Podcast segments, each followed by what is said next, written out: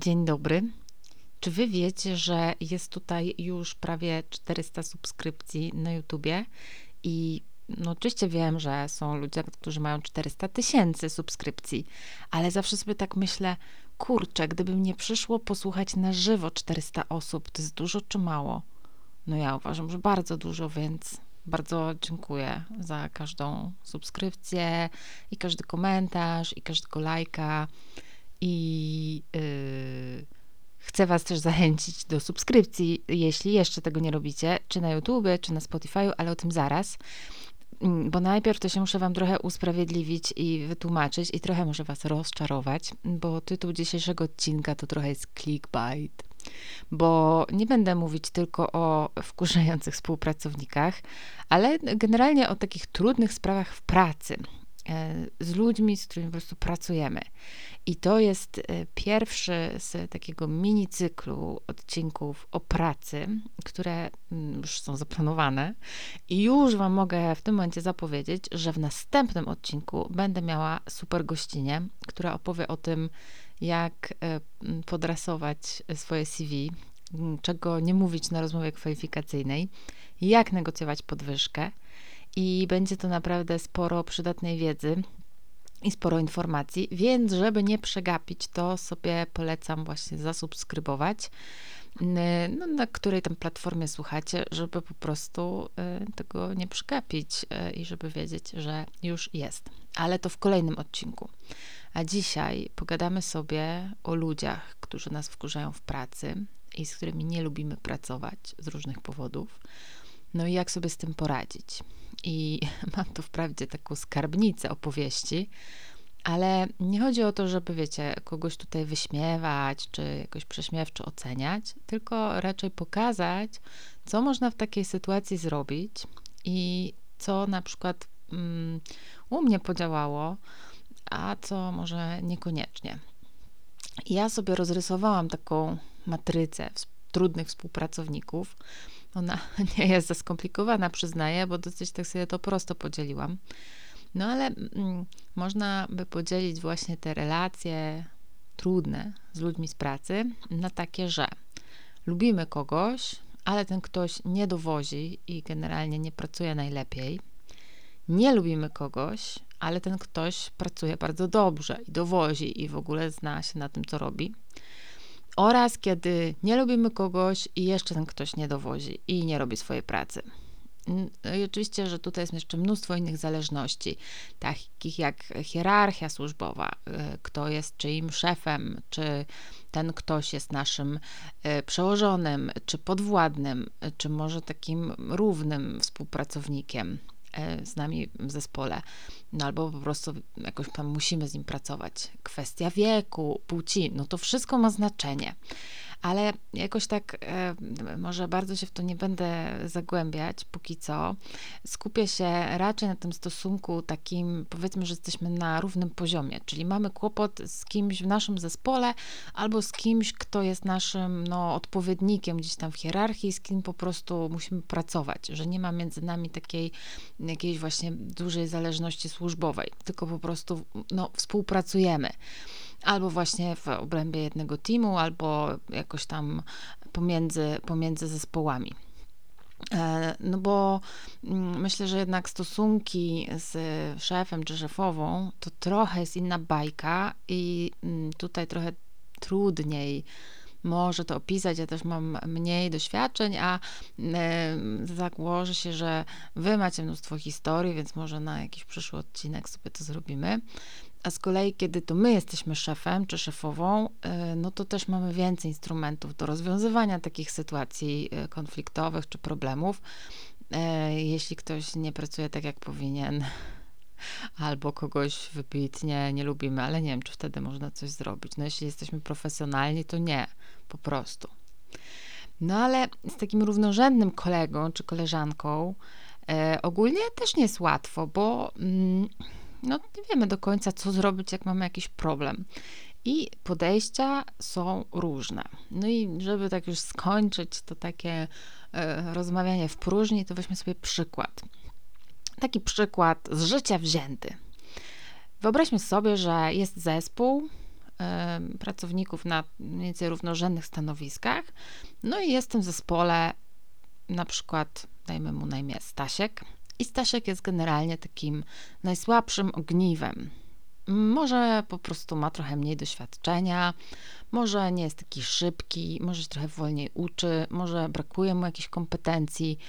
I to sprawia, że tak naprawdę cały zespół musi łatać dziury i wypełniać te miejsca, których Stasiek nie jest w stanie samodzielnie wypełnić. Kumacie.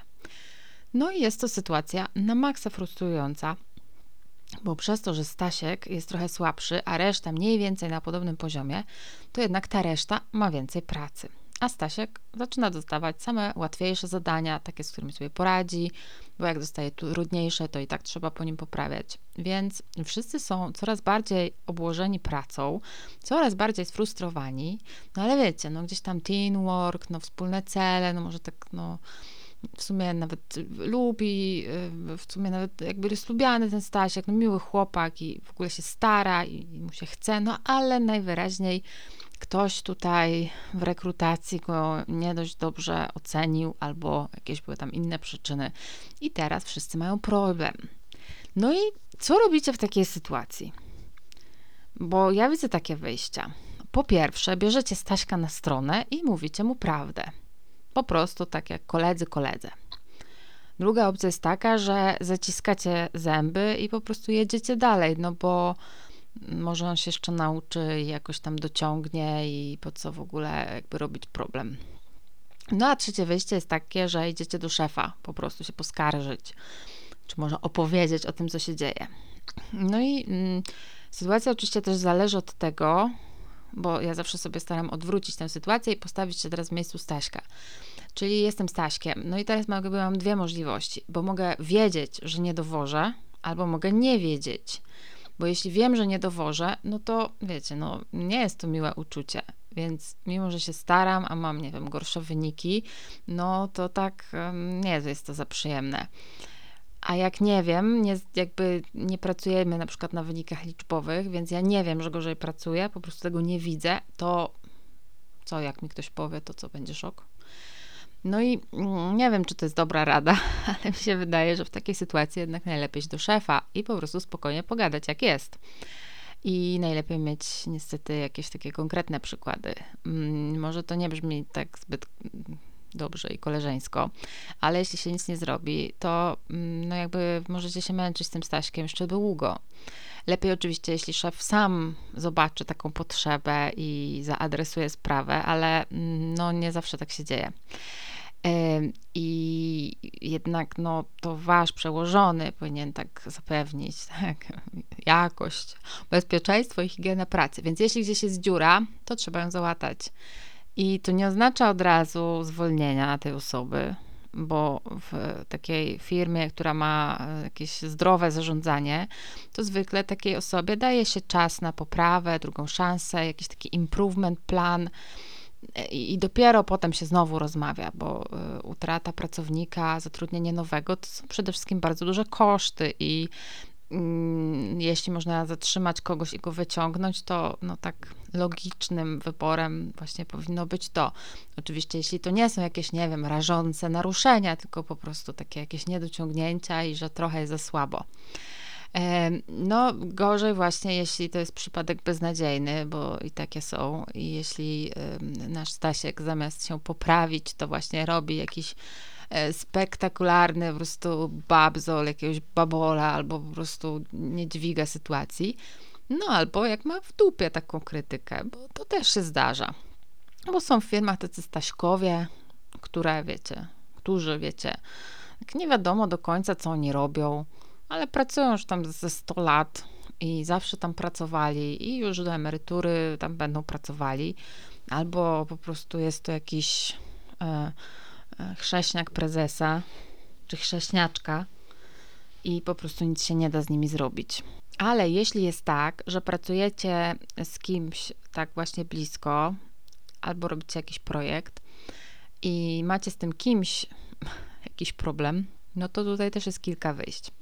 Bo są organizacje, w których jest bardzo rozwinięta tak zwana kultura feedbacku i ludzie sobie właśnie mówią wprost, co jest super i dają sobie kudosy, czyli takie pochwały, takie kciuki w górę. Albo są takie sesje feedbackowania czy oceny pracownicze, w których można opisać, jak dobrze pracuje się z zespołem, z przełożonym i tak. Ale są też przecież małe firmy, gdzie nie ma takich procesów i takich struktur, i nie ma ocen rocznych, czy nie ma nawet takich one-to-one z e, przełożonym. No i wówczas trzeba sobie samemu poradzić z tym słoniem w pokoju, bo czasami e, po prostu to paraliżuje pracę i nie da się pracować. No i wiecie, w sumie dla kogoś, kto jest na przykład introwertykiem, to jest koszmar, żeby wyjść i powiedzieć yy, koledze z pracy: Słuchaj, musimy porozmawiać w cztery oczy, albo koleżance. No ale czasami uważam, nie ma wyjścia. I miałam raz taką sytuację. Otóż przyszłam do pracy na stanowisko yy, takie, no powiedzmy, seniorskie i dołączyłam do zespołu innych seniorów, ale byłam jedną z najmłodszych tam osób. No i wówczas jedna ze starszych wiekiem osób, starszych wiekiem i stażem, nazwijmy ją powiedzmy Maryla, zaczęła mnie tak dziwnie traktować. Na przykład udawała, że nie słyszy, co mówię, jak coś tam robiłyśmy razem. Albo ja o coś prosiłam, a ona coś tam odpowiadała jakimś burczeniem pod nosem. No i jak to można odczytać? No bo różnie, bo można odczytać, coś do mnie ma, może mnie nie lubi, może uważa, że ja się nie znam na swojej robocie, a może poczuła się zagrożona, bo wiecie, przyszedł ktoś nowy do zespołu. No i mm, dla mnie ta sytuacja stała się w końcu na tyle taka dziwna i nieznośna, że w końcu poprosiłam ją o rozmowę, czy możemy sobie po prostu pogadać. I zapytałam wprost, o co chodzi i co się dzieje i czy coś do mnie ma. I ona, wiecie co, ja nie wiem, czy udawała, ale była tak bardzo zaskoczona tym pytaniem i tak bardzo jakby zareagowała gwałtownie, że nie, nie, nie, w ogóle nic takiego się nie dzieje, że naprawdę jakby wszystko jest w porządku, że ona taka jest. Nie wiem, czy to było autentyczne, czy udawane, ale yy, podziałało bo no nie wiem, jakoś tak powiedziała, że nie, nie, wszystko jest ok. I naprawdę od tamtej pory było lepiej. Um, może ktoś tu mi wytłumaczy, czy coś się tu psychologicznie zadziało. Nie wiem. Myślę jednak, że jak coś nas tak bardzo właśnie uwiera, to czasem dobrze jest pogadać. E, ale też chcę Wam powiedzieć o sposobie, w jaki można to zrobić. I e, poznałam ten sposób na jednym ze szkoleń i uważam, że to świetna metoda. Nazywa się e, metodą Foucault. To jest metoda udzielania informacji zwrotnej czy feedbacku. Niekoniecznie chodzi o negatywny feedback, no ale najczęściej się do tego przydaje. Polega ona na tym, że mówicie po kolei o faktach, uczuciach, konsekwencjach i oczekiwaniach wobec kogoś. Czyli na przykład, no klasyk, ktoś spóźnia się z dowiezieniem czegoś, przez co wy nie możecie robić swojej pracy i jesteście na maksa wkurwieni. Więc można powiedzieć tej osobie, stary, zjebałeś, ale można też powiedzieć, słuchaj, nie dotrzymałeś terminu. Fakt. Co mocno mnie zdenerwowało i zestresowało. Uczucie. Bo nie mogłam wysłać tego briefu do klienta. Konsekwencja.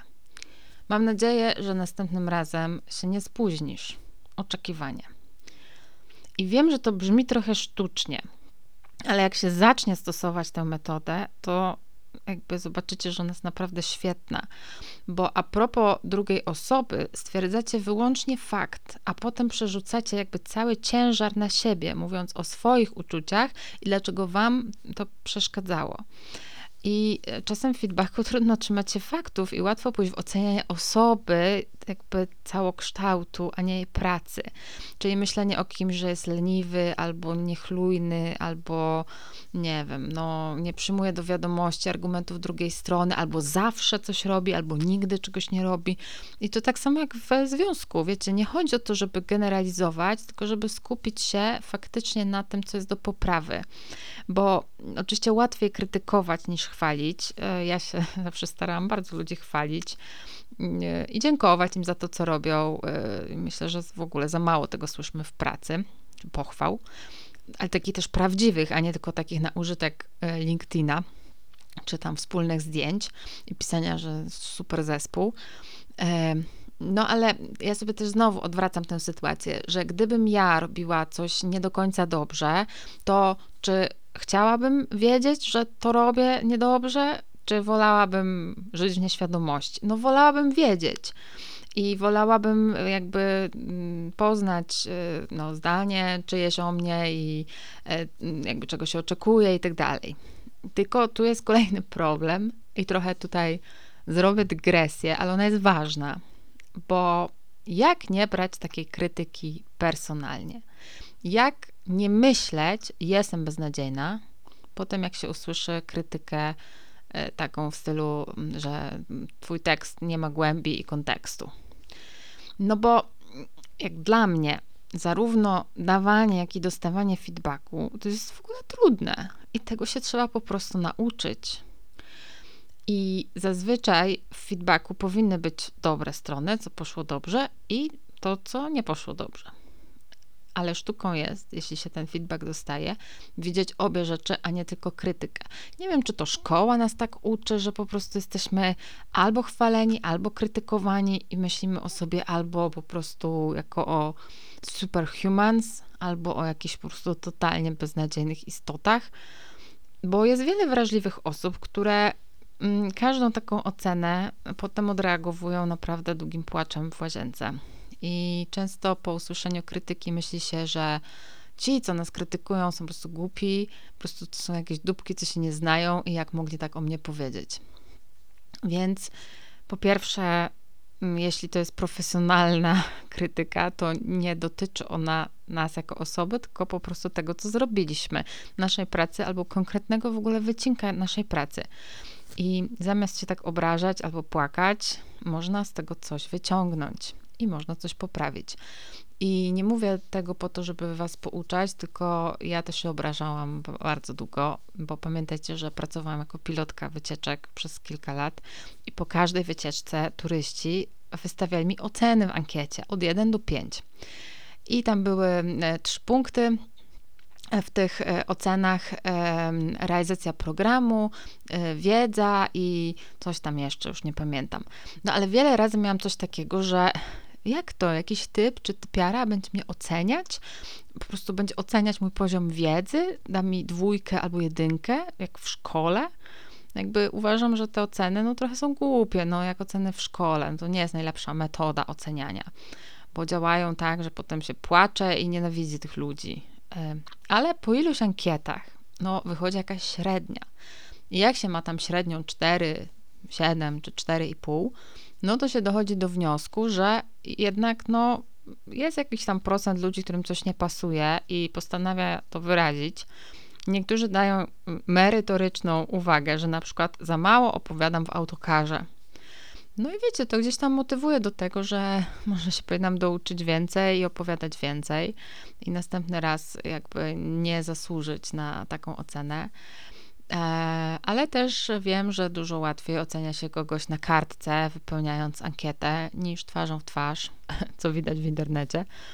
No ale jednak w pracy mamy większe szanse na dostanie tego feedbacku twarzą w twarz. I czasem warto z tego skorzystać. Tak jak po rekrutacji w niektórych firmach, kiedy się nie dostajemy dalej, ale przychodzi ten feedback od rekrutera, czego zabrakło i nad czym warto popracować. No i to może zaboleć, ale z drugiej strony powinno być raczej motywacją do tego, żeby jednak się uczyć dalej, bo nikt nie jest doskonały. Każdy ma prawo do błędów, każdemu czasami zdarza się coś zjebać i czasami po prostu no, nie jesteśmy w tym momencie naszego życia y, jakby idealnym kandydatem czy kandydatką na to konkretne stanowisko. No i wiem, że zdryfowałam z tematu, ale to było ważne. Ale teraz jeszcze chcę powiedzieć o e, typie e, jednym e, współpracownika, czyli o typie roszczeniowym. Osobie, która zawsze musi mieć trochę lepiej niż inni, ze względu na różne tam, wiecie, sprawy. Sytuację rodzinną, albo że mieszka daleko, albo coś tam jeszcze innego. I na przykład zawsze musi mieć wolne na święta, majówkę i konkretne terminy w wakacje i będzie tego bronić jak niepodległości. A reszta zespołu ma się dostosować. i już. I założę się, że znacie takie osoby, bo ja znam i powiem szczerze, że bardzo ciężko spracować z kimś, kto po prostu jakby myśli tylko o sobie i ma w dupie potrzeby innych i wykorzystuje trochę swoją sytuację prywatną w pracy.